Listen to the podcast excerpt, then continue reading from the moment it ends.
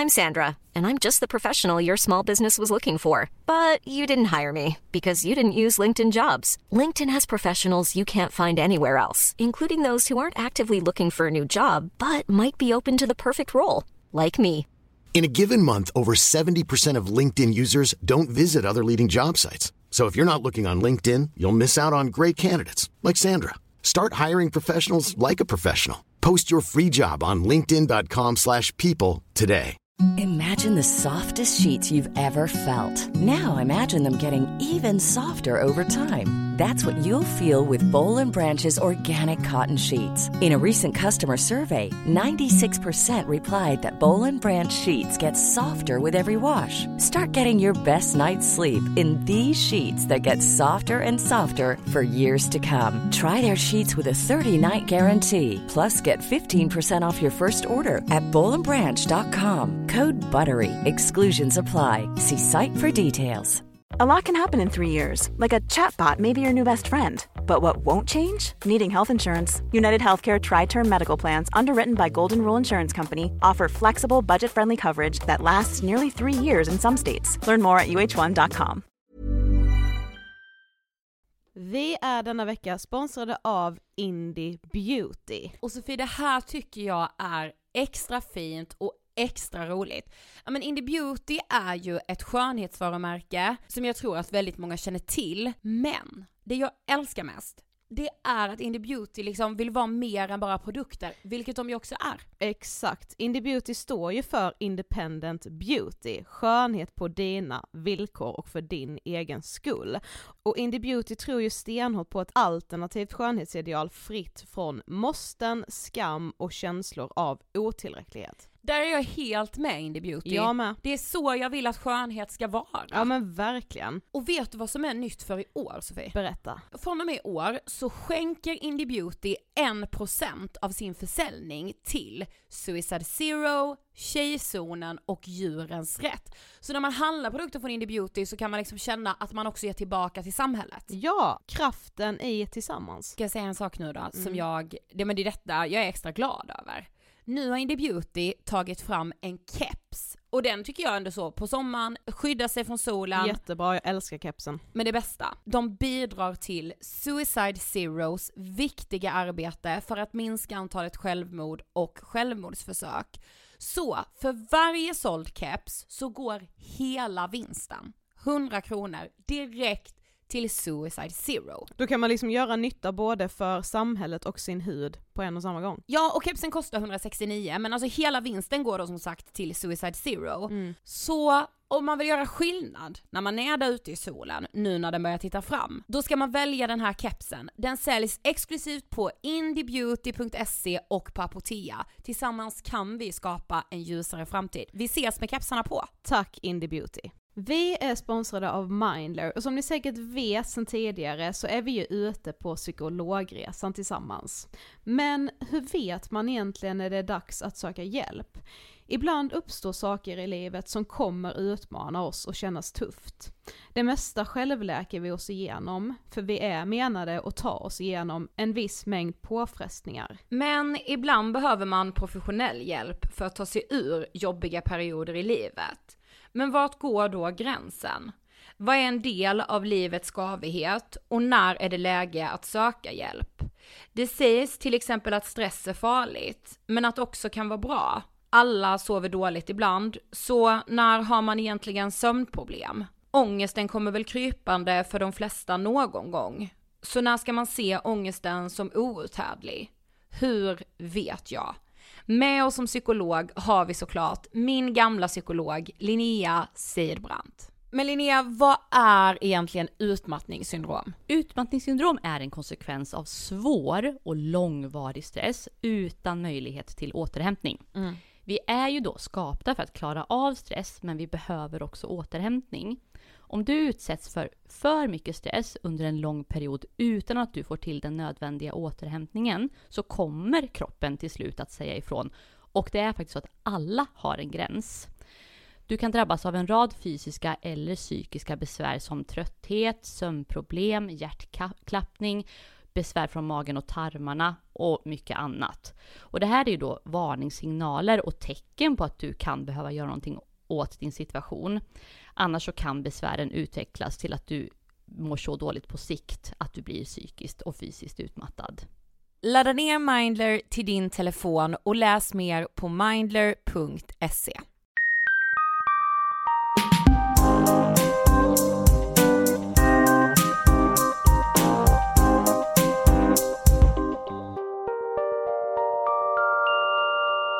Välkomna till avsnitt 285 av Ångestpodden. Yes! Jag heter Ida Höckestrand. Jag heter Sofie Hallberg. Hur mår du Sofie Hallberg? Helt okej, skulle Mm. jag säga. Jag vill faktiskt börja med att säga tusen, tusen, tusen tack för alla fina meddelanden från förra veckans avsnitt. Det var eh, lite nervöst att släppa det, men oj vad det gav mig mycket i efterhand. Jag tyckte det blev så fint. Ja. Alltså jag, var, jag lyssnade på det två gånger innan vi ens hade släppt det. För att jag, alltså jag vet inte, jag blev typ så tagen. Inte av mig själv, det är inte så jag menar, men du vet så här, Jag blev så tagen av bara din, ditt sätt att prata i, alltså förra veckan tror jag. Ja, men jag blev nog lite typ, eh, inte att jag inte vet att jag har haft de orden i huvudet, Nej. men som jag liksom eh, skrev lite kort igår på Instagram och som jag kommer prata mer om i några avsnitt längre fram, att så här, just hur man alltid har sett sig själv som en person som typ har svårt för att prata om känslor och bara vem är det som har tillskrivit mig det egentligen? Det är ju bara jag själv. Men så här, jag kanske hade svårt för det innan men det, jag är inte den personen längre. Exakt. Och det blev typ som ett litet, ja, ett litet uppvaknande. Men, ja men tack i alla fall alla som har skrivit, det betyder jättemycket. Eh, men ja, nej men det är väl okej. Hur är det själv? Alltså jag har sovit jättedåligt senaste veckan. Jag har, alltså typ såhär, jag hade en sån här så kallad frågestund på min Instagram. Eh, och så frågade någon mig typ bara, hur känns det att vara i Karlshamn? Och jag bara, jag har inte mått så bra senaste veckorna. Och då är det inte så bra för mig att vara i Karlshamn. Men det är också för att jag, alltså, alltså jag har senaste veckorna, för mamma frågade mig igår, vad mår du inte bra? Och jag bara, egentligen mår jag väl bra i mig själv. Det är inte det att jag börjar känna så här jag har jättemycket gadd, jag har jättemycket depressiva tankar, alltså inget så. Inget det här pissmåendet som man inte vet vad det beror på. Nej, liksom. men du Nej. vet så här, alltså senaste veckorna har jag, alltså jag har behövt frågasätta vem jag är jättemycket. För att jag har gamla vänskaper som har betytt så mycket för mig. Och jag har bara fått inse och acceptera att för vissa av de vännerna har jag inte betytt någonting. Och det gör så in i helvete ont. Senaste dagarna har både du och jag också fått höra att vi uppfattas som otrevliga. Ja. Nej men alltså folk tyck, tror att vi tycker illa om dem, att vi rent av hatar dem, så jättestarka ord. Och jag bara så här, vad fan kommer det ifrån? Mm. Det är lite jobbigt när man måste ehm, ifrågasätta sin egen persona på något vis. Alltså du vet när man verkligen inte alls känner att så som jag obviously uppfattas, det är så långt ifrån hur jag känner. Gud, vänskap är så svårt och det kan göra så himla, himla, himla ont. Du vet man får tankar som är så icke-rationella, typ såhär, jaha, vilka ska jag bjuda på min 30-årsfest nu då? Alltså förstår du? Att, för att så här, ja det känns som att jag har förlorat så många vänner. Ja, och man är nu också ganska liksom, alltså säkert snabb med att överanalysera och måla upp liksom katastroftankar och bara såhär jag har inga vänner, jag är den mest ensamma människan i hela världen typ. Alltså man gör ju det väldigt snabbt också när man mår då dåligt. Men... Du är såhär låg, det mest lågintensiva avsnittet i Ångestpoddens historia.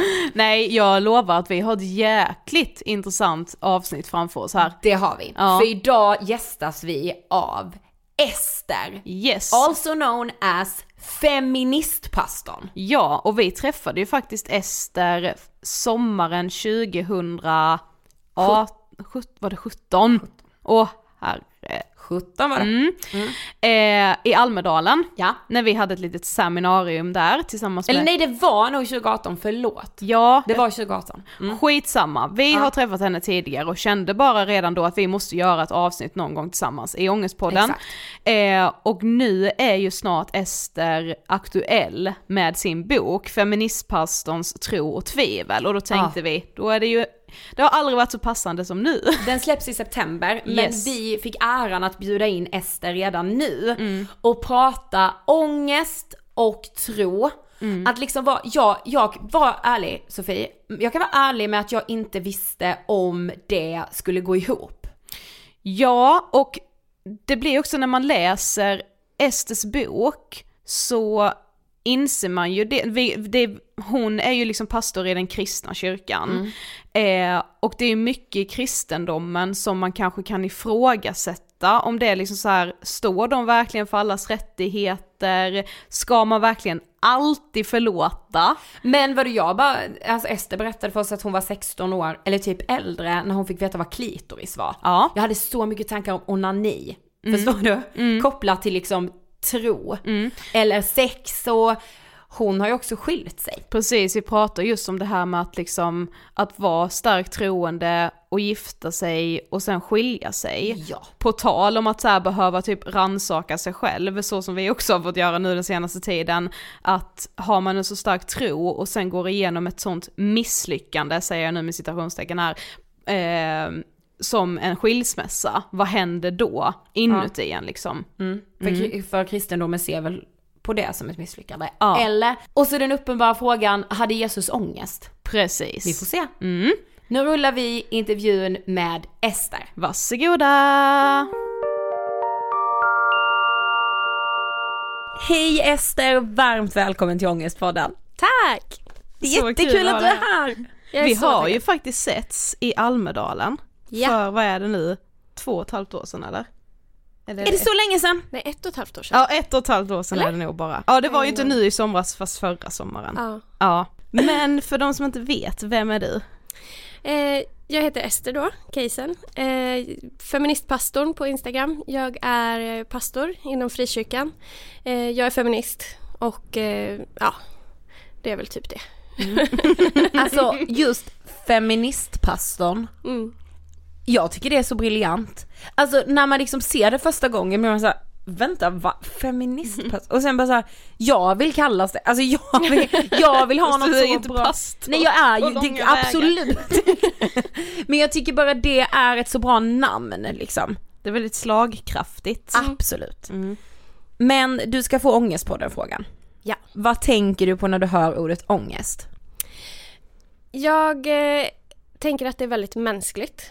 Att det hör till livet liksom. Jag är väldigt mycket så att eh, livet består ju av allt det fina och allt det skaviga liksom. Eh, så de flesta får ju ångest, eh, mer eller mindre. Eh, och så tänker jag nog också mycket på ja, men personer som finns runt mig eller som har funnits runt mig som har påverkats väldigt mycket av ångest. Eh, så jag, jag tänker dels att det är väldigt mänskligt men också att jag vet hur, hur tungt det kan bli liksom. Men du är uppväxt i Värmland. Ja. Hur var din uppväxt? Eh, oj, ja men bra.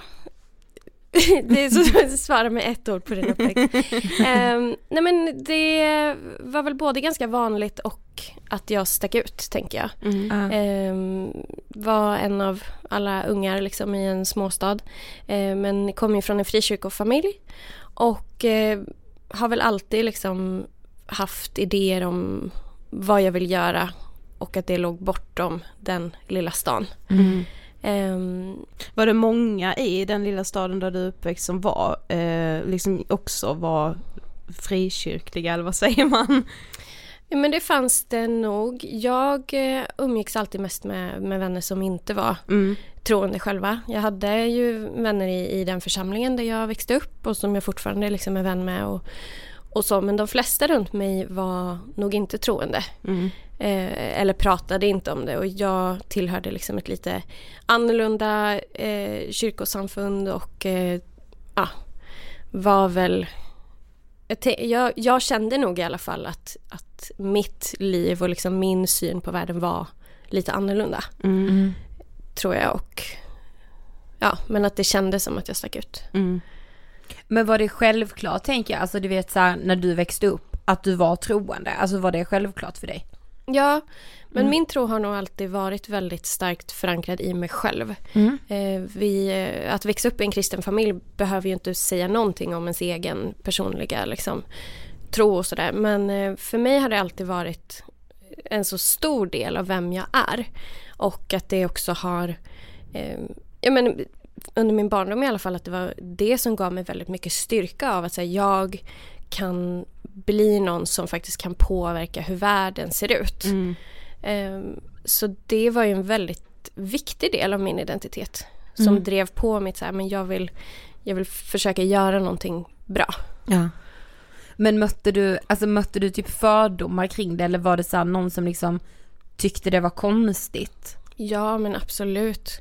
Alltså dels åt vi annorlunda. Eh, alltså vi, hade, vi åt vegetariskt under stor del av min uppväxt. Delvis för att det kommer ur den liksom, kyrkotradition jag kommer ur.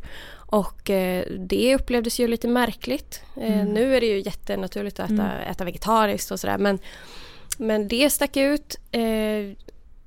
Eh, och, och jag var väldigt liksom öppen med vad jag trodde och jag var lite så skeptisk till evolutionen och lite så här som man kan absolut reagera på. Eh, så det, ja, folk reagerade och jag vet jag hade lärare som liksom skrattade åt att, eller så här med, med glimten i ögat kanske men ändå att jag var lite så här klassens präst och så här, jag och Ester trodde fortfarande på Adam och Eva. Så här, för, Ehm, men jag hittade kanske lite styrka i det att, att vara annorlunda men ja, det är ju alltid dubbelt liksom även om man kan tycka att det känns okej då. Att det är dubbelt. Mm. Men när du var 20 år så flyttade du till England för att Mm. plugga teologi, läran om Gud. Jag blev så imponerad att jag kunde det igår.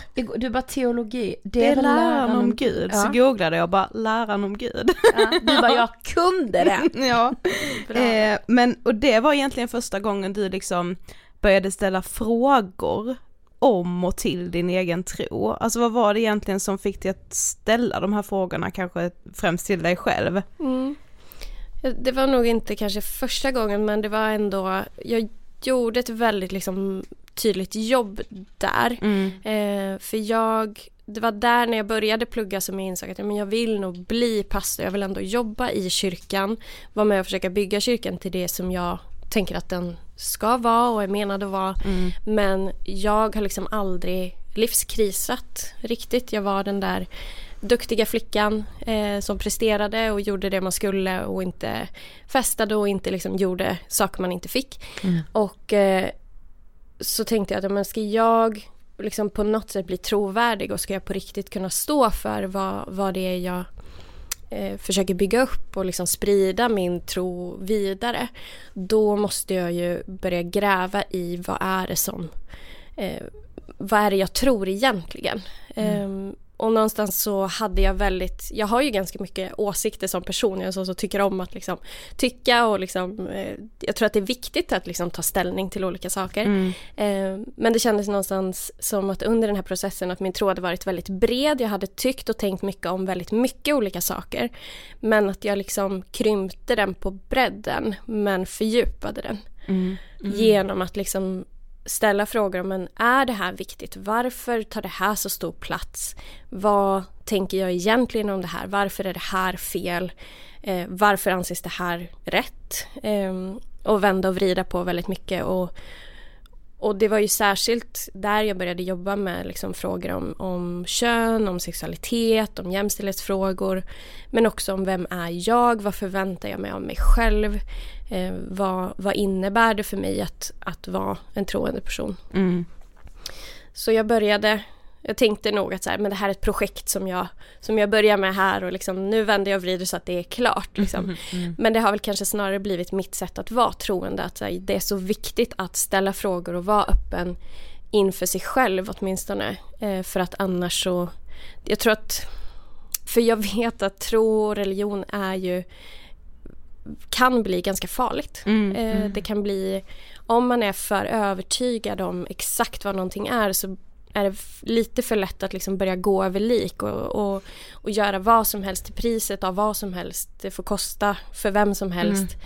för det som är rätt. Um, så att det är så viktigt för mig att leva med frågor och, och vad får det kosta och ja. Mm. Vi kommer in mer på det tror jag. Ja men det är så intressant. Ja. Men i skolan så blev du kallad the Swedish liberal. Ja. Alltså varför då? ja men eh, Ja men det var ju så intressant då, för jag kom ju då från, från Värmland där jag var så här, lite så här uh, udda frikyrkounge tänker jag. Eh, och sen så kommer jag till så här, ett kristet sammanhang där alla lärare är kristna och liksom kristet universitet, bara kristna liksom, eh, universitetsstudenter i princip. Eh, och tänkte att så här, men nu, nu, nu, nu händer det, nu är alla som jag.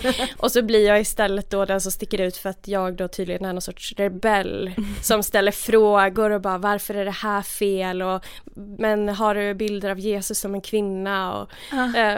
Eh, så då blev det ju istället att en, ja, men här, den här läraren var ju också ganska speciell på vissa sätt men han, eh, han kallade mig då för the Swedish liberal. Eh, lite sådär för att jag då tydligen stack ut fast åt andra hållet. Ja. Eh, och, och det där var ju någonstans, jag, jag har klurat lite på det där, jag har ju inte liksom mått särskilt dåligt i något av de här sammanhangen det är helt okej okay för mig att ja, men jag är ganska trygg i vem jag är ja. oavsett.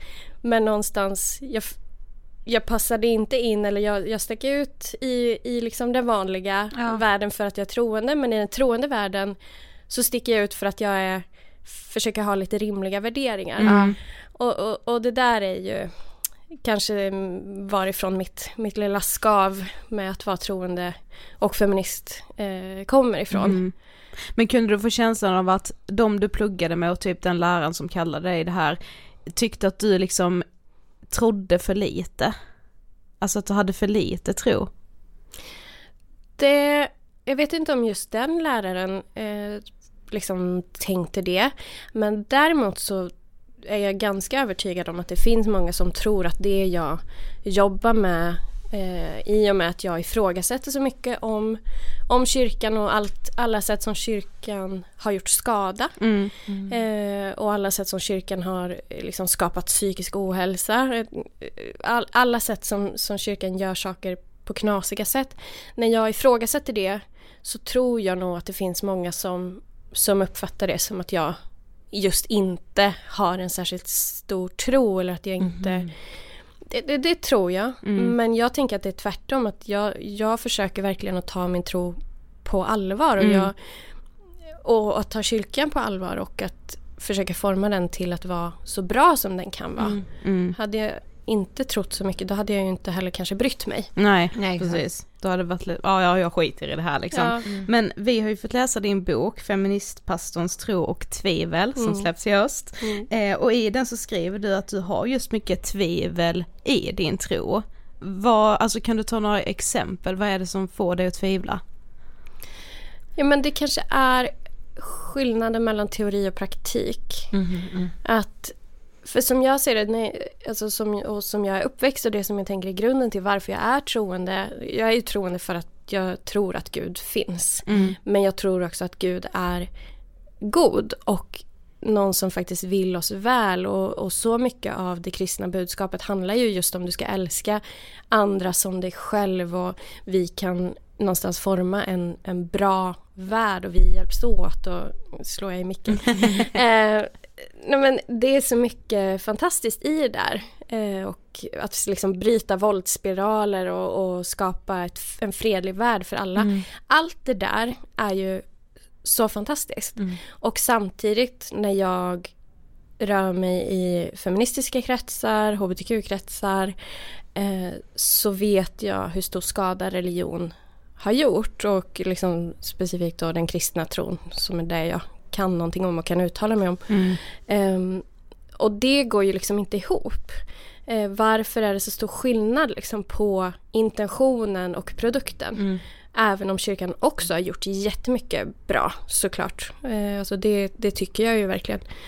Mm, men det gör ju att jag, det skaver. Mm. Alltså bibeln är skriven av män till exempel. Jag bara, kan jag förhålla mig till en bok eh, som försöker berätta om vem Gud är när det bara är liksom en grupp som har fått uttala sig i den. Mm. Sen handlar inte Bibeln bara om män, men den handlar mest om män. Den är skriven till främst män. För att när den skrevs fram under liksom 2000 år, alla de olika pusselbitar som den består av, det samhället, där räknades inte kvinnor som medborgare, som egna individer. Och ändå, men samtidigt så här, det, jag, det som ger mig styrka då är att i, i Bibeln så tar kvinnor väldigt normbrytande platser till exempel. Eh, och är det någon som jag tänker visa på alla människors lika värde så är det ju Jesus som var väldigt normbrytande för sin tid. Men ändå, det, det så här, räcker det? Jag, jag måste någonstans leva med, med den här dubbelheten eh, och inte hitta för enkla svar på det här utan det måste få skava runt liksom för att jag ska kunna eh, Annars så liksom förminskar jag saker tänker jag. Mm. Men det är det jag tycker är så, som jag slogs av när vi läste boken och så här, när man liksom följer det på Instagram och så, att du har tillåtit det skavet. Ja! För så här, man inser någonstans att alltså, man kommer leva med skav genom hela livet men det är som att vi är så rädda för att göra det. Att, så här, nej, alla skav ska vi hela tiden motarbeta och typ, ja men gräva bort liksom. Men jag tror man utvecklas så mycket som människa om man bara inser att man kommer alltid leva med olika skav men det är en del av livet liksom. Oavsett om man är troende eller inte. Det kan ju uppstå i många olika situationer tänker jag. Men alltså vi, alltså vi eh, slogs ju verkligen igår, vi bara tyckte det var så här: wow. När du hade skrivit att du hade haft en tanke om att Gud är kvinna. Och jag bara så här, ja. Och då tänkte vi ju på när vi var på Ariana Grande. då var jag verkligen där. Nej men då, äh, hon har ju en låt som heter God is a woman. Och ehm, när hon gjorde den, vi såg henne i Globen, då hade hon liksom gjort det här med lärjungarna, alltså när de sitter, sista måltiden är det va? Eh, och så hissades hon upp, det var det mäktigaste jag någonsin har sett. Men alltså så här, eh, alltså varför känns det som att man ser Gud som en man? För att man har ju alltid haft den bilden, alltså Men tänker du att Gud är en kvinna? Nej, men jag tänker att Gud är både och, varken eller. Alltså Gud är mer. Eh, alltså det, det som står i Bibeln är att mänskligheten skapas till Guds avbild. Det betyder att allting som vi är, all liksom variation som finns hos oss måste ju också då finnas hos Gud. Det är ju inte så mycket svårare än så. Eh, och sen så har eh, i Bibeln så används ju oftast pronomen han om Gud för att det var så man såg på Alltså någon som var övre, över liksom. kunde inte vara en hon. För, för hon var per definition under han. Eh, när det här samhället skrevs fram. Men däremot så finns det väldigt mycket kvinnliga, liksom klassiskt kvinnliga så här, bilder av, av Gud som man kanske missar.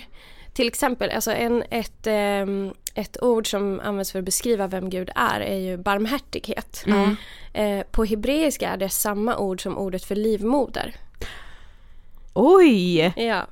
Oj! Eh, och barmhärtighet, alltså det är ju bröst, alltså att man bär någon vid sin barm. Just den här, och nu tycker inte jag att det är, är rimligt att säga att så här, all omsorg är kvinnlig liksom, Nej. per definition. Men, men så här, de här klassiskt eh, kvinnliga bilderna har använts för att beskriva Gud och hela grejen tänker jag med Gud och i hur Jesus var är att det är väldigt antipatriarkalt. Alltså man är van att så här, den som har makt ska också styra och liksom vara lite av en, eh, alltså man är idealiserat diktatorn och liksom ja. krigsherren och liksom allt det där. Och sen när Gud gör saker genom liksom berättelser som man ser i Bibeln så är det ofta väldigt motsats. Ehm, och sättet som Jesus kommer att visa, så här, Jesus uppgift är att visa att det här, sån här är Gud. Om Gud var en människa så, så skulle det vara så här.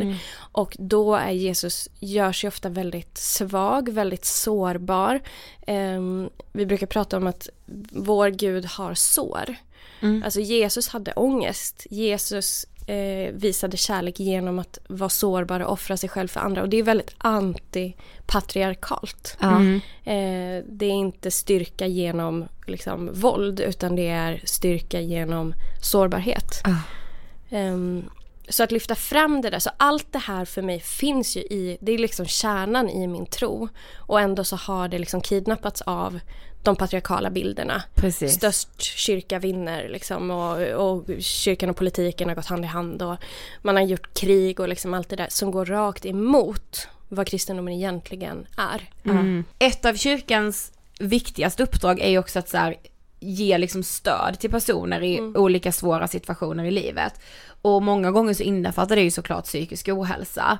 Och i kyrkan så brukar man ju kalla det för själavård. Mm. Jag tycker det är mys. Jag med. Alltså jag vill att ångestpodden ska vara själavård Ja. liksom. Men hur skulle du liksom säga att samtalet om psykisk ohälsa är inom liksom kristendomen alltså så, och i kyrkan? Nej men, och det här är ju verkligen någonting där jag tänker att jag har all anledning att också vara stolt över kyrkan. För vi, vår, nu, nu pratar jag om kyrkan som, som att jag är liksom en del av den. Att vi, vi som är kyrkan, att det är en del av vår uppgift att just vårda eh, vårda skapelsen, alltså vårda vår planet, vårda människor och inte minst det som är eh, inte liksom bara kroppsligt utan själsligt. Eh, och jag älskar det här ordet själavård. Eh, för jag tänker att det behöver vi ju alla. Ehm, så vi, många som jobbar inom kyrkan har ju just ett hjärta för och är, är väldigt duktiga liksom på att på den här omsorgen. Ja. Ehm, och vi pratar ju väldigt mycket om, ehm, om känslor och, och sen, det kan ju se olika ut i olika sammanhang. Men jag tänker att det är ändå någonting som vi som jag också har växt upp med, att ja, men det hör till. Ja. Eh, och det kanske är så att det också har format mig till det här, den här tanken att ja, men, var inte rädd för det, de olika delarna i livet utan de, det som skaver och det som är härligt och det som är tungt och allt det hör till. Eh, och det är någonstans det vi, vi jobbar med i kyrkan. Vi, Ja.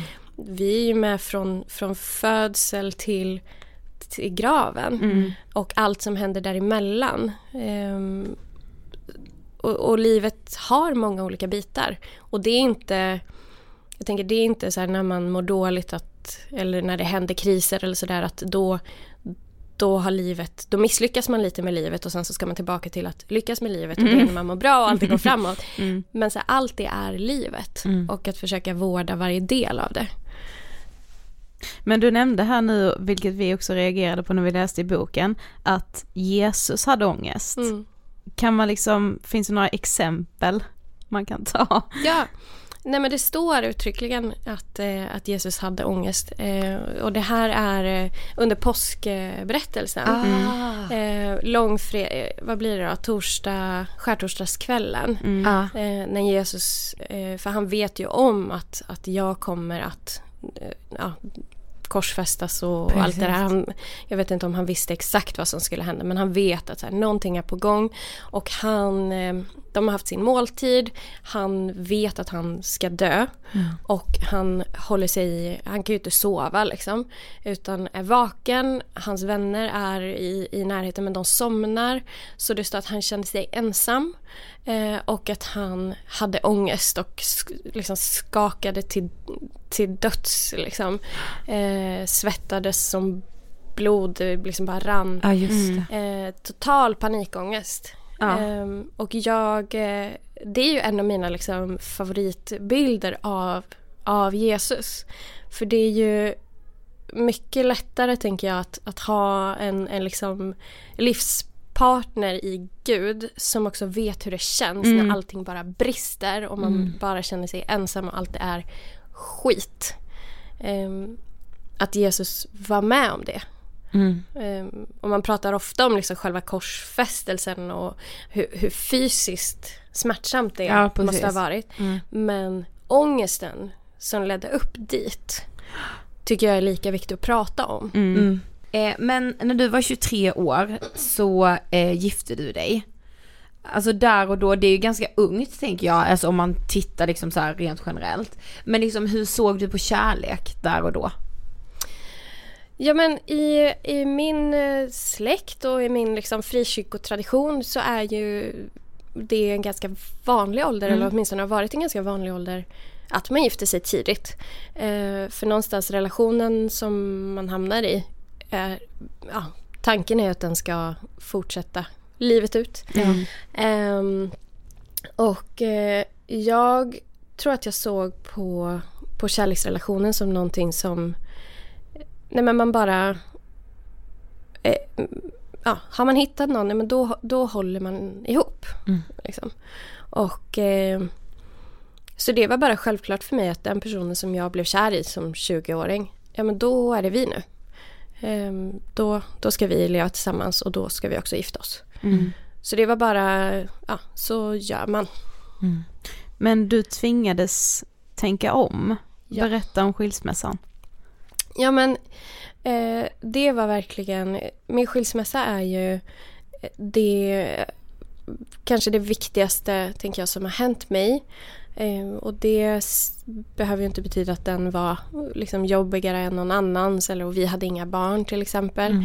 Eh, så det var ett, ett tufft breakup. Men det och, det och det kom sig ju ur liksom många olika orsaker. Att jag insåg att jag kan inte vara i den här relationen och bygga mitt liv med den här personen. Ehm, för att det, det kommer inte bli bra, jag kommer inte må bra. Och där någonstans så började jag inse för det var en ganska ny tanke någonstans för mig. För jag har nog alltid tänkt att man, man klarar saker och man gör saker för att det är så det ska vara.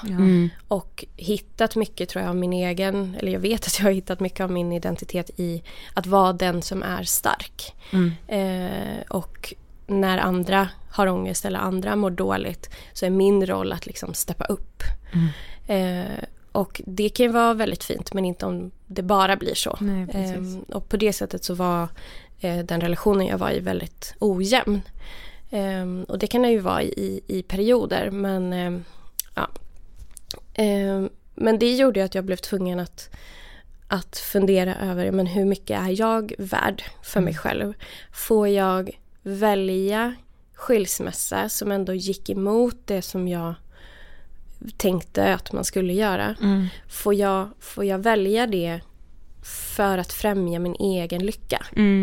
För det på något sätt hade jag nog kanske alltid uppfattat som lite själviskt eller eh, och jag vet ju att relationer går upp och ner.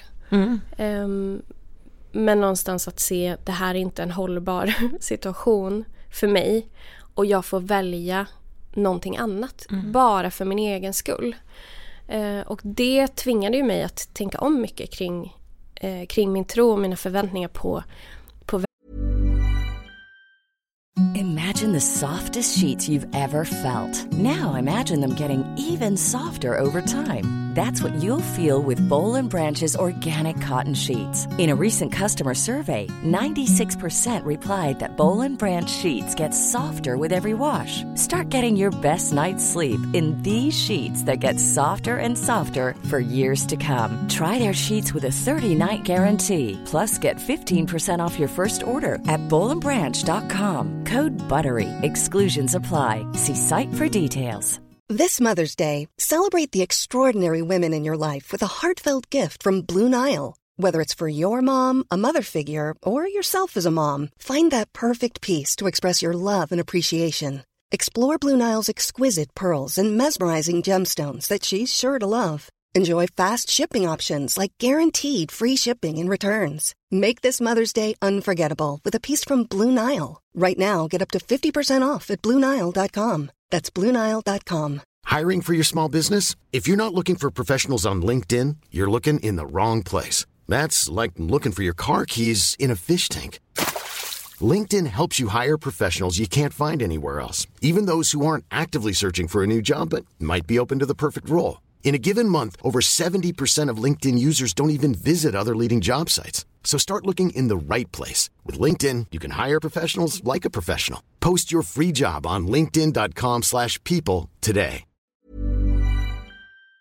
vem jag förväntas vara, vem förväntar Gud sig att jag ska vara, eh, vad, vad förväntar jag mig av andra, hur tänker jag att vi ska tänka som kyrka.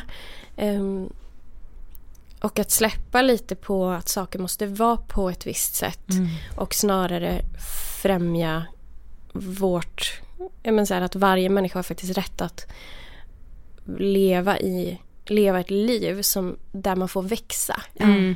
Ehm, att det inte bara är att man ska inte bara överleva livet liksom, utan Exakt. växa och blomstra och allt vad det där innebär. Mm. Så det tvingade mig att tänka om eh, väldigt mycket.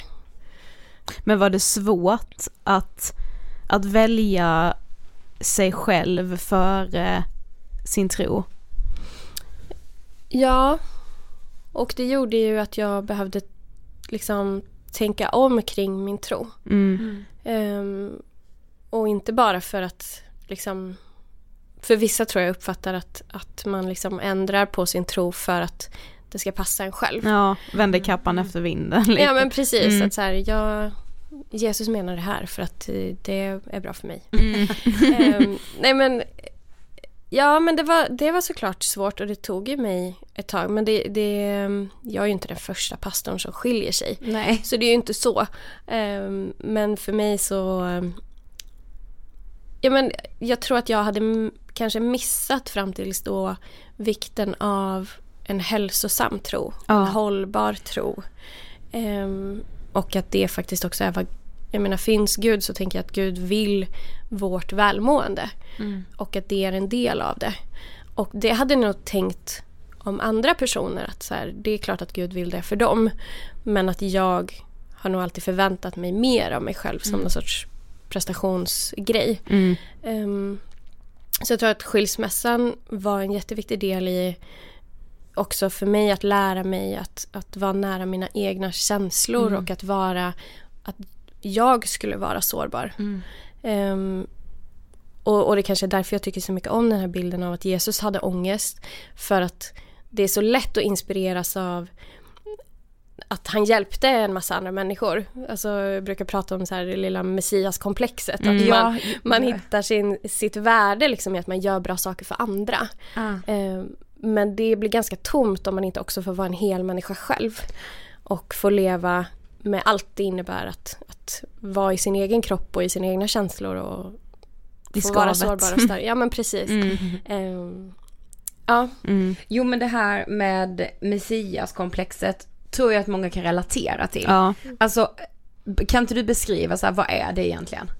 Ehm, ja och jag vet inte om liksom, ordet egentligen stämmer. Nej. Men jag tänker att för mig, dels som det, det blir ju väldigt dubbelt för dels är som en lite duktig flicka eh, syndromet person eh, som har fått sitt värde liksom ifrån att prestera, få bra betyg, vara duktig på grejer och inte göra fel.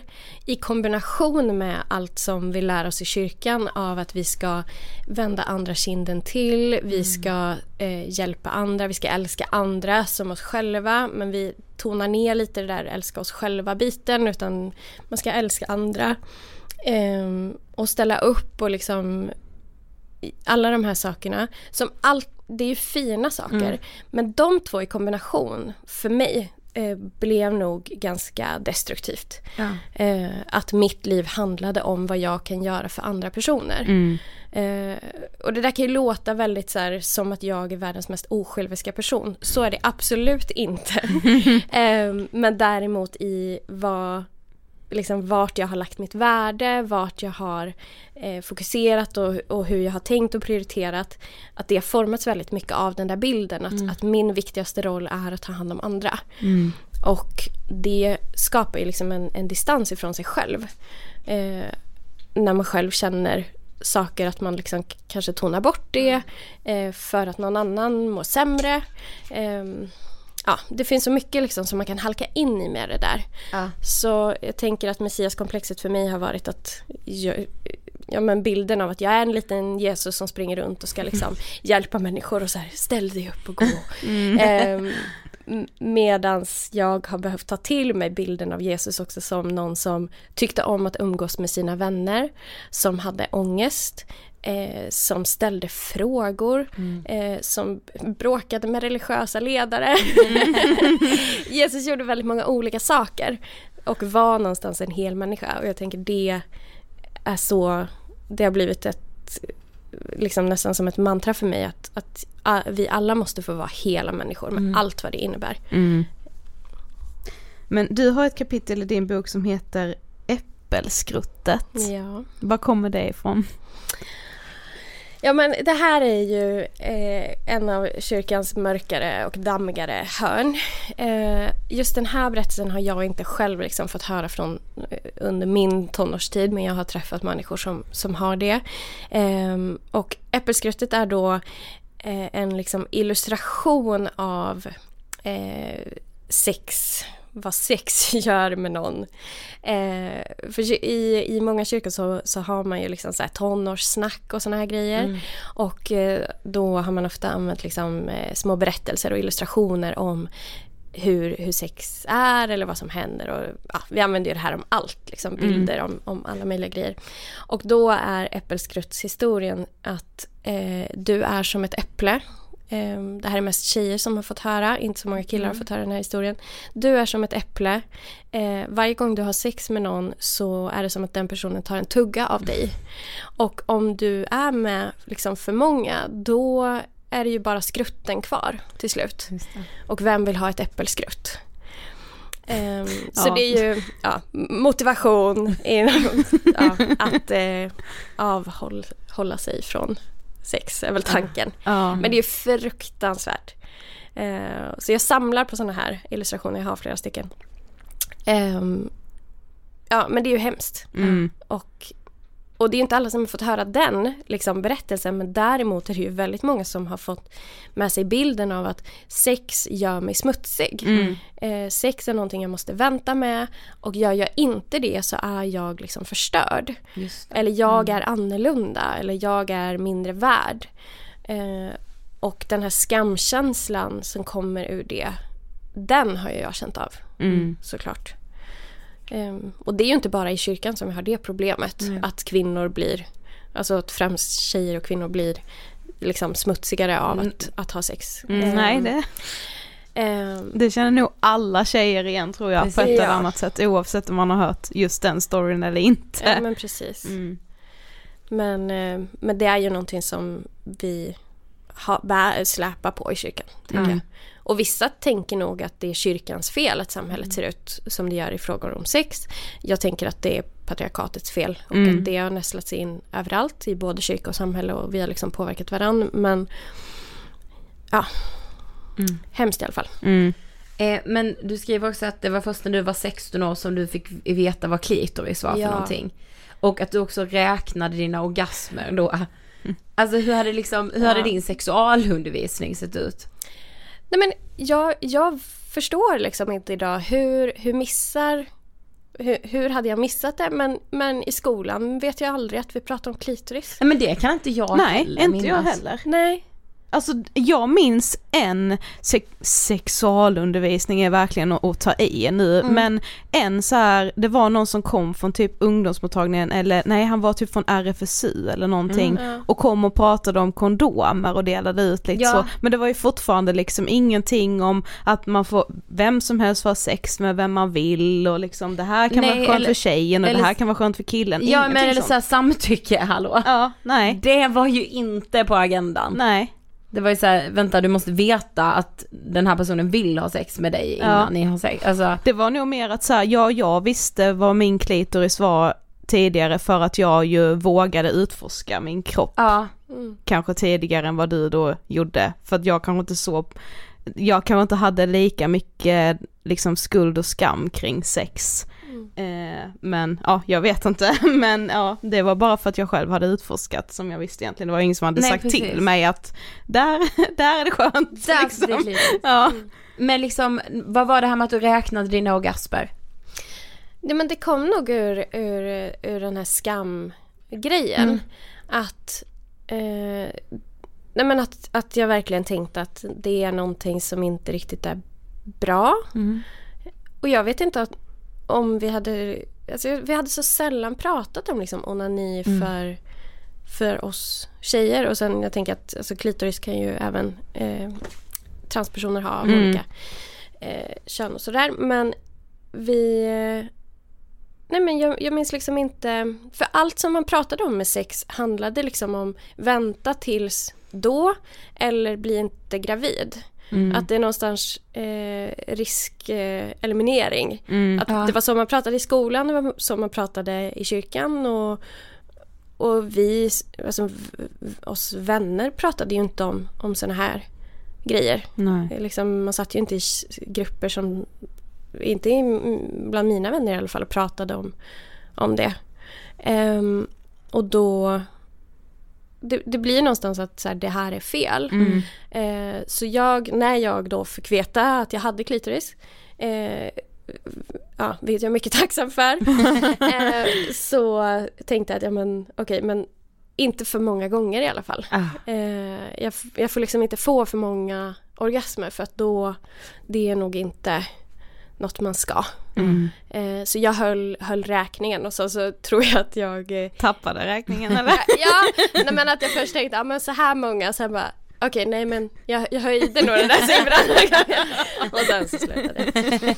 Ja, men vad säger egentligen Bibeln då om kåthet och lust? Um, nej men faktiskt, för det finns ju ordet onani kommer ju ur en berättelse eh, faktiskt om sexuella övergrepp Mm. eller sexuellt utnyttjande. En man som hette, det är en lite så här komplicerad historia, men en man som hette, hette Onan som eh, ja, men hade sex med en kvinna och skulle liksom ha det för att hon skulle få eh, få bli gravid. För att en Mm. kvinna fick liksom sin, sin trygghet genom att ha en man, en son, en pappa eller sådär. Mm, Eh, så Onans jobb var liksom att göra henne gravid eh, för att hans bror hade dött och det var brorsan som tidigare hade varit gift med henne. Ah. Så det är en, det är en hel liksom eh, det är en väldigt knasig, liksom, ett knasigt system. Mm. Eh, men det var liksom hans jobb. Eh, för att det skulle också trygga hennes liv. Eh, men det han gjorde var att han tyckte nice, jag har sex med henne men jag, eh, som det står så fint beskrivet i bibeln, spillde sin säd på marken. Så han kom liksom utanför. Mm. Eh, och det har då tolkats som att så här, det är fel att liksom tillfredsställa sig själv. Medan jag tänker att det här handlar ju om att han utnyttjade henne för sin egen skull men in, lät inte henne få Någonting. sin, Mm. sin rätt ifrån det här.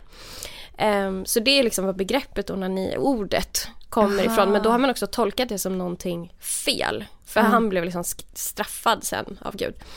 Um, däremot, och det, och, för jag tänker att en stor del av liksom problemet varför, varför det blir så mycket skam är att man pratar aldrig om, om, om lust.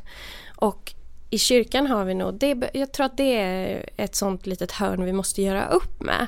Alltså varför är vi, det är som att lust och njutning är någonting som kanske egentligen inte riktigt är bra för att det kan ta fokus ifrån att göra saker för andra Mm, eller liksom att det är, det är bara självcentrerat Mm. och då är det per definition dåligt. Men jag tror verkligen inte det. Jag tror absolut att det kan bli, alltså om man bara tänker på sig själv hela tiden Ja. så är det klart att det kan bli dåligt. Men om man aldrig tänker på sig själv eller om man aldrig värnar sig själv eh, då blir det också dåligt. Mm. Eh, men den, eh, för ni frågade vad säger Bibeln om, om kåthet och lust? Eh, faktiskt, den kvinnan i Bibeln som har flest liksom, ord, eh, som talar mest, hon är kvinnan i ett poesiverk som heter Höga Visan. Som alltså handlar om sex.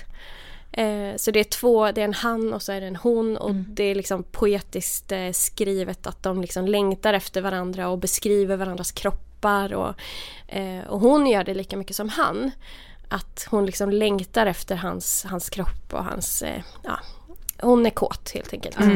Ehm, och hon är liksom den kvinna som tar mest plats i Bibeln. Eh, så jag tänker att egentligen, sen har kyrkan historiskt sett försökt tolka det här som att ja, men det här är en illustration av kärleken mellan Gud och mänskligheten eller Gud och Aha. kyrkan och sådär. Eh, må så vara. Eh, oavsett så är det en kvinna som, som uttrycker sin lust. Ja. Och jag, eh, det säger ju någonting om att det hör till. Mm. Ehm, för, det, för det står inte jättemycket. Alltså mycket av det som sägs i Bibeln om sex handlar, uppfattar jag, eh, handlar om, om social trygghet. Alltså det vet vi ju alla hur, det är bara att titta hundra år tillbaka eller fortfarande kvinnor som blir gravida, alltså hur utsatt man är, alla ensamstående mammor som Mm. sliter och kämpar. Eh, och, och vart är alla liksom spermadonatorer? Ja, som bara lever sitt liv och tar inget ansvar. Mm. Eh, jag tror att mycket av liksom de här hårda orden som sägs om sex i Bibeln handlar just om, om den här ojämställdheten och om, om den utsatthet som det skapar. Mm. Att, att ha sex på ett sätt där man inte tar ansvar Mm. för varandra och där man inte har respekt för varandra. Eh, och så har man istället tagit det till att det ska vara någonting skamligt. Mm. Och, och jag tycker att det är ett så knasigt liksom, fokus. För att det är mycket mer intressant att prata om hur tar vi ansvar för eh, varandra och hur, Ja. vi, hur, hur främjar vi samtycke? Hur Mm. pratar vi om, om sex som faktiskt är, är härligt för alla involverade? Precis. Ehm, det är ju mycket mer intressant. Mm.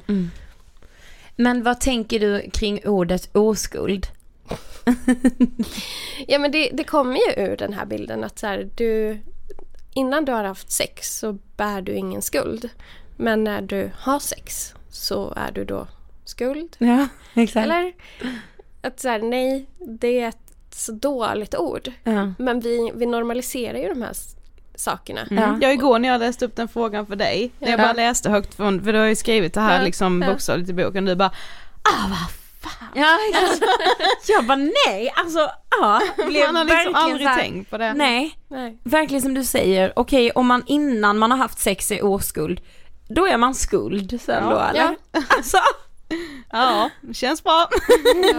Men i kyrkan pratar man ju mycket om eh, att förlåta, alltså Mm. förlåtelse. Men kan man verkligen alltid förlåta?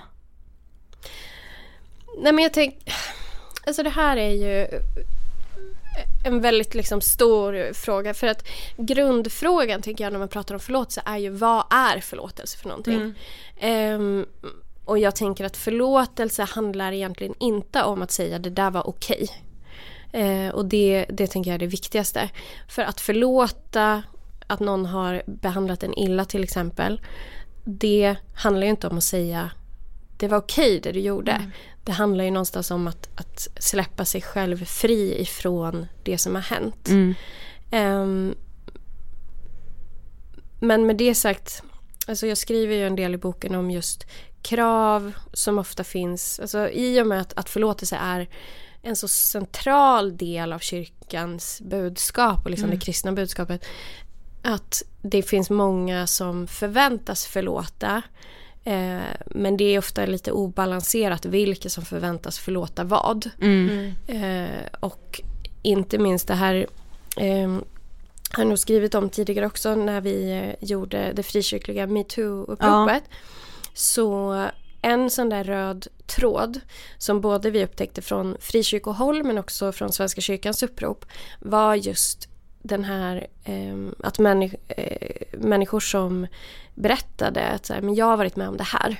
Eh, den här prästen, den här eh, kollegan, den här personen eh, har utsatt mig sexuellt för det här övergreppet. Att väldigt många fick höra eh, du borde förlåta honom och gå vidare.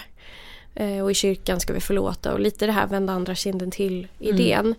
Ehm, och det man missar då, dels så kan ingen någonsin säga till någon annan du ska förlåta. Jag tror att förlåtelse är någonting starkt som kan hjälpa en att liksom bli fri ifrån trauman och liksom fruktansvärda eh, erfarenheter. Eh, och att förlåtelse är starkt. Men däremot att, att säga du ska förlåta för att det är vad kristna gör. Det blir ju dels otroligt liksom kravsättande eh, och det blir eh, tystande. Om jag skulle säga till någon av er liksom, ni måste förlåta.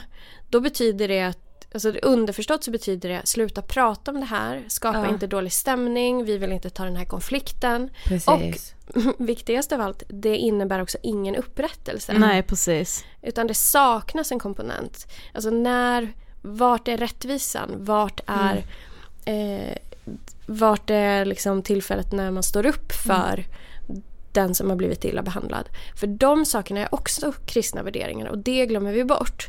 Att så här, förlåtelse absolut är ett kristet liksom kärnord. Men upprättelse och rättvisa är också det. Mm. Eh, Jesus gick inte fram till folk som, som liksom var sjuka och bara eh, Tänk inte på det här mer. Utan var så här, res dig upp. Alltså han hjälpte också människor att komma ur situationer och gå vidare. Mm. Liksom. Och nej, men man kan inte prata om förlåtelse utan, utan det andra liksom. Och det behövs försoningsprocesser och ehm, Ja, för jag vet också att du skriver i boken om det här exemplet med, det hände för flera år sedan, men det var en tjej som blev våldtagen av en eh, skolkamrat, en kille, Eh, och han fick sluta på skolan och han blev också, alltså han han sattes dit för den här våldtäkten. Eh, men han blev trots att han var avstängd från skolan eh, välkomnad till skolavslutningen i kyrkan. Och den här pastorn då sa det att ja, men alla är välkomna till kyrkan. Men att då du skriver i boken att så här, ja alla är välkomna men alla kanske inte ska vara i samma rum samtidigt. Eh, och det tyckte jag var en väldigt, alltså det var så intressant att, att läsa Det just jag det. Verkligen. Ja men och det gjordes ju ett um, Uppdrag granskning-program Mm. om det här. Och den här prästen, det här var i Svenska kyrkan uppe i Norrland någonstans. Mm. Eh, blev ju, alltså det, övriga kyrkan och liksom överordnade inom kyrkan gick ju ut och sa att så här, så här ska inte vi agera. Ehm, så någonstans det är också, de flesta präster eller pastorer skulle kanske inte ha, ha gjort så här men jag tror inte att den här prästen är den enda som skulle tänka så. För att vi har, vi är så vana vid vissa liksom slagord Mm, i kyrkan. Att alla är välkomna i kyrkan. Kristna ska Precis. förlåta. Ska vända andra kinden till. Och så ser man inte liksom den större bilden. Att så här, vem, men vem betalar för det här? Mm, vem exakt. kostar det mest för? Och vilka är det som kommer undan på grund av det här? Eh, och vad, vad skapar vi för strukturer? Mm. För de kanske inte, alltså vi kan ha hur goda intentioner som helst. Men vad, vad blir slutprodukten? Mm. Och om den inte stämmer överens med vår intention, då måste vi ändra någonting i våra verktyg. Mm. Ehm, ja. Ja, för jag tänker att kyrkan ska väl inte vara en annorlunda plats gentemot hela samhället och om hela samhället alltid skulle gå runt och tänka, ja men jag vänder andra kinden till eller eh, liksom, jag ska alltid kunna förlåta. Då hade man ju inte kommit någonstans med Nej. till exempel metoo, som ju bara handlade om upprättelse egentligen. Mm. Ja. ja, men de måste få stå sida vid sida. Liksom. Ja. Ja, verkligen. Ja, men för jag tänkte också på det angående så här förlåtelse. Att, alltså tänk kvinnor till exempel som lever i typ så här relationer där de är utsatta för fysisk eller psykisk misshandel. Alltså om de ska förlåta varje gång det händer, alltså det kan ju liksom kosta dem livet Mm. i värsta fall. Verkligen. Så då är det ju, alltså jag förstår verkligen det resonemanget att så här, då är det ju kanske verktyg man får förändra liksom. Precis. Jag tycker det är jätteintressant. Men, alltså det är ju så här, mycket saker i din tro eller så i liksom kyrkan eller kristendomen som du inte alltid håller med om. Vad är det ändå som får dig att fortfarande ha en stark tro? Men jag tror att mycket av min... Liksom att jag fortfarande är troende är ju för att de här sakerna som jag ser i, i kyrkans... Eh, I vad kyrkan har både gjort och gör men också säger och liksom teorin. Eh, de teologiska liksom formuleringarna. Det är ju att jag inte anser att det stämmer. Att så här, jag, jag försöker inte säga, ja, men då, då klipper vi bort det här ifrån Bibeln. Vi, vi river ut de här sidorna och så, Skriver och så liksom låtsas vi att, ja men precis, Ja. skriv en ny Bibel så blir det lite trevligare. utan, utan jag tvärtom försöker ju säga att men vi har missförstått, misstolkat, vi har sagt fel. Det stämmer inte. Ni, och jag menar det är ju, eh, det är ju män som har tolkat, läst, eh, beskrivit och format eh, liksom vad som har sagts om, om, om kristen tro i tusentals år. Mest. Det har ju funnits kvinnor Ja. också men det har ju hela tiden varit en minoritet. Och, och det är ju inte det enda problemet. Men det är ett problem. Eh, och det jag försöker säga är att fast allting ni har sagt stämmer inte. Min tro, för jag hämtar ju min, jag är ju feminist för att jag är kristen. Alltså min tro på alla människors lika värde kommer ur min kristna tro. Jag hade ju tyckt att det var rimligt även om jag inte var troende såklart. Men jag hämtar den därifrån, det är inte någonting jag liksom klistrar på den. Och då ingår det också att säga det här är vad jag anser och när jag läser bibeln då är det här vad jag ser, de här värderingarna. Och de här grejerna vi har sagt om eh, homosexualitet, det här vi har sagt om kvinnors roll, det här vi har sagt om eh, ja, vad det nu kan vara. Det stämmer inte. Vi har misstolkat och eh, missbrukat Guds namn. Eh, och det måste vi sluta med. Men vad händer när du säger det här? Alltså blir du någonsin motarbetad? Ja, eh, men och dels, jag är ju inte, och det här försöker jag alltid säga, jag är ju inte först med att säga de här sakerna. Jag kallar mig för feministpastorn. Det låter som att här kommer en ensam feminist ur kyrkan. Ja. Vi är jätte, jättemånga och vi har en väldigt lång historia. Jag kan, kan ju känna mig väldigt trygg i det jag säger för att jag vet hur många vi är som tycker så här eller liknande. Alltså alla, alla kristna feminister är ju inte överens om allting. Nej. Liksom, såklart. Ehm, men vi, jag är ju ingenstans liksom ensam. Eh, och många i kyrkorna är ju just Alltså det är väldigt tacksamt att, att lyfta fram så här kokosnötterna i kyrkan och liksom man pratar om Knutby och Jones mm, Mm, och liksom mm. här eh, när allting gick snett liksom att det är bilden som vi gärna har av religion för det är Mm. lite göttigt medan de flesta av oss bara går runt och så här, ja men så här, vi, vi är ganska rimliga och det är inte rimligt när, när kyrkan blir ohälsosam. Nej. Det är ingenting konstigt. Eh, så dels det att så här, jag är inte så utstickande i kyrkan som man kanske tror. Mm. Men självklart så finns det ju de som verkligen anser att jag har fel, som motarbetar mig. Eh, både de som gör det lite mer liksom, på, på lite rimliga sätt och, och, och tycker att så här, men det här anser inte jag stämmer. Men sen finns det också de som verkligen anser att jag förleder människor i helvetes... Synden. Ja, ja, ja. Oj, Eh, ja. Mm. Så det, fin- det finns ju alla Jag alla gissar sorter. att många av dem kanske är män. Det kan nog vara så. det finns verkligen både och. Det var bara jag- min gissning. Ja. Ja, jag har inte riktigt reflekterat över det här. Men de som har skrivit de liksom grövsta sakerna av mig, om mig eh, är ju till stor del män. Ja. Mm. Då har vi kommit till sista frågan. Mm. Vad inspirerar dig? Ooh. Eh, kvinnor. Eh, mest av allt. Eh, älskar kvinnor och eh, tanter. Ah. Eller hur? Eh, alltså är det någonting jag vill hylla i kyrkan så är det ju alla tanter. Ah. Och civilsamhället, samhället. Tanter är ju samhällets ryggrad. Jag vet. Mm. Det, och de får inte den credden. Jag håller med. Eh, och eh, nej, men tanter har gjort så, så, så, så mycket. Jag har ju de senaste två och ett halvt åren jobbat i en, en eh, kvinnoorganisation. Mm. Och eh, med mycket liksom, mycket tanter. Och mycket sådana här riktiga kämpar och bara Krutkärringar liksom. Ja, och alla gånger man har stått och pratat med någon och bara Ester, be, be inte om ursäkt. Ta mer, ta mer plats. Okej. I will. För det är någonting med så här när man når en viss ålder, alltså Ja. när man ser på, på vissa det här, jag, jag unnar alla tanter det här, men vissa som kommer över en viss ålder, de bara Jag har varit så snäll, jag har varit så trevlig, jag vet. jag har skärpt mig, jag har ställt upp, jag har gjort det. Ja. Så, nej, nej, det räcker nu. Ja. Och att de någonstans, så jag vill liksom ta, ta till mig av det där och jag, jag vill inte liksom bli 70 och bara Nej, jag var för snäll. Ja, exakt.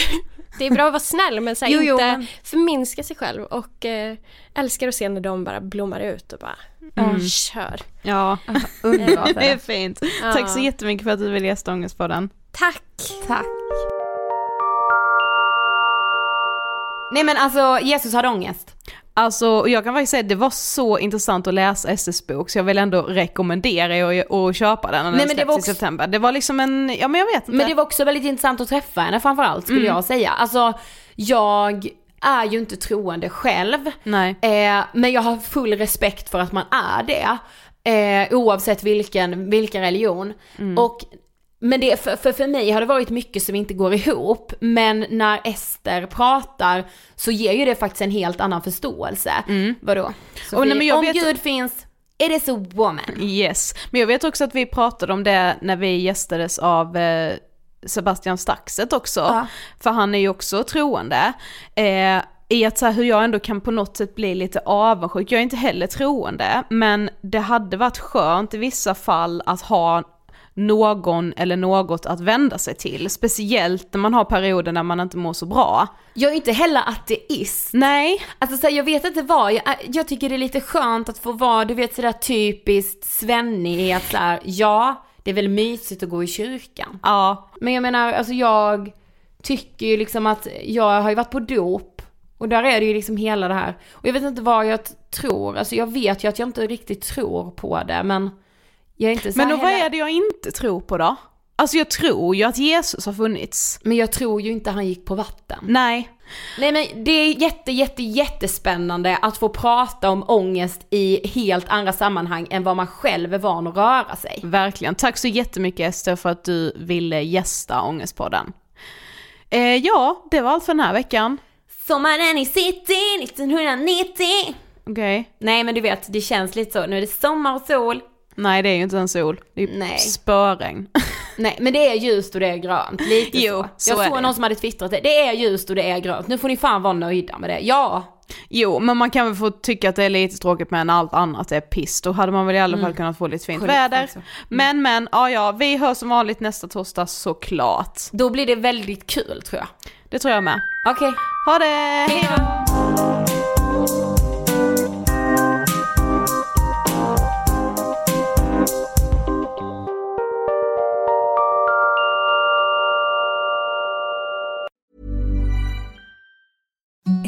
the softest sheets you've ever felt. Now imagine them getting even softer over time. That's what you'll feel with Bowl and Branch's organic cotton sheets. In a recent customer survey, 96% replied that Bowl and Branch sheets get softer with every wash. Start getting your best night's sleep in these sheets that get softer and softer for years to come. Try their sheets with a 30-night guarantee. Plus, get 15% off your first order at bowlandbranch.com. Code BUTTERY. Exclusions apply. See site for details.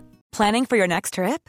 Elevate your travel style with Quince. Quince has all the jet setting essentials you'll want for your next getaway, like European linen, premium luggage options, buttery soft Italian leather bags, and so much more. And is all priced at 50 to 80% less than similar brands. Plus, Quince only works with factories that use safe and ethical manufacturing practices. Pack your bags with high-quality essentials you'll be wearing for vacations to come with Quince. Go to quince.com slash pack for free shipping and 365-day returns. Imagine the softest sheets you've ever felt. Now imagine them getting even softer over time. That's what you'll feel with Bowl and Branch's organic cotton sheets. In a recent customer survey, 96% replied that Bowl and Branch sheets get softer with every wash. Start getting your best night's sleep in these sheets that get softer and softer for years to come. Try their sheets with a 30-night guarantee. Plus, get 15% off your first order at bowlandbranch.com. Code BUTTERY. Exclusions apply. See site for details.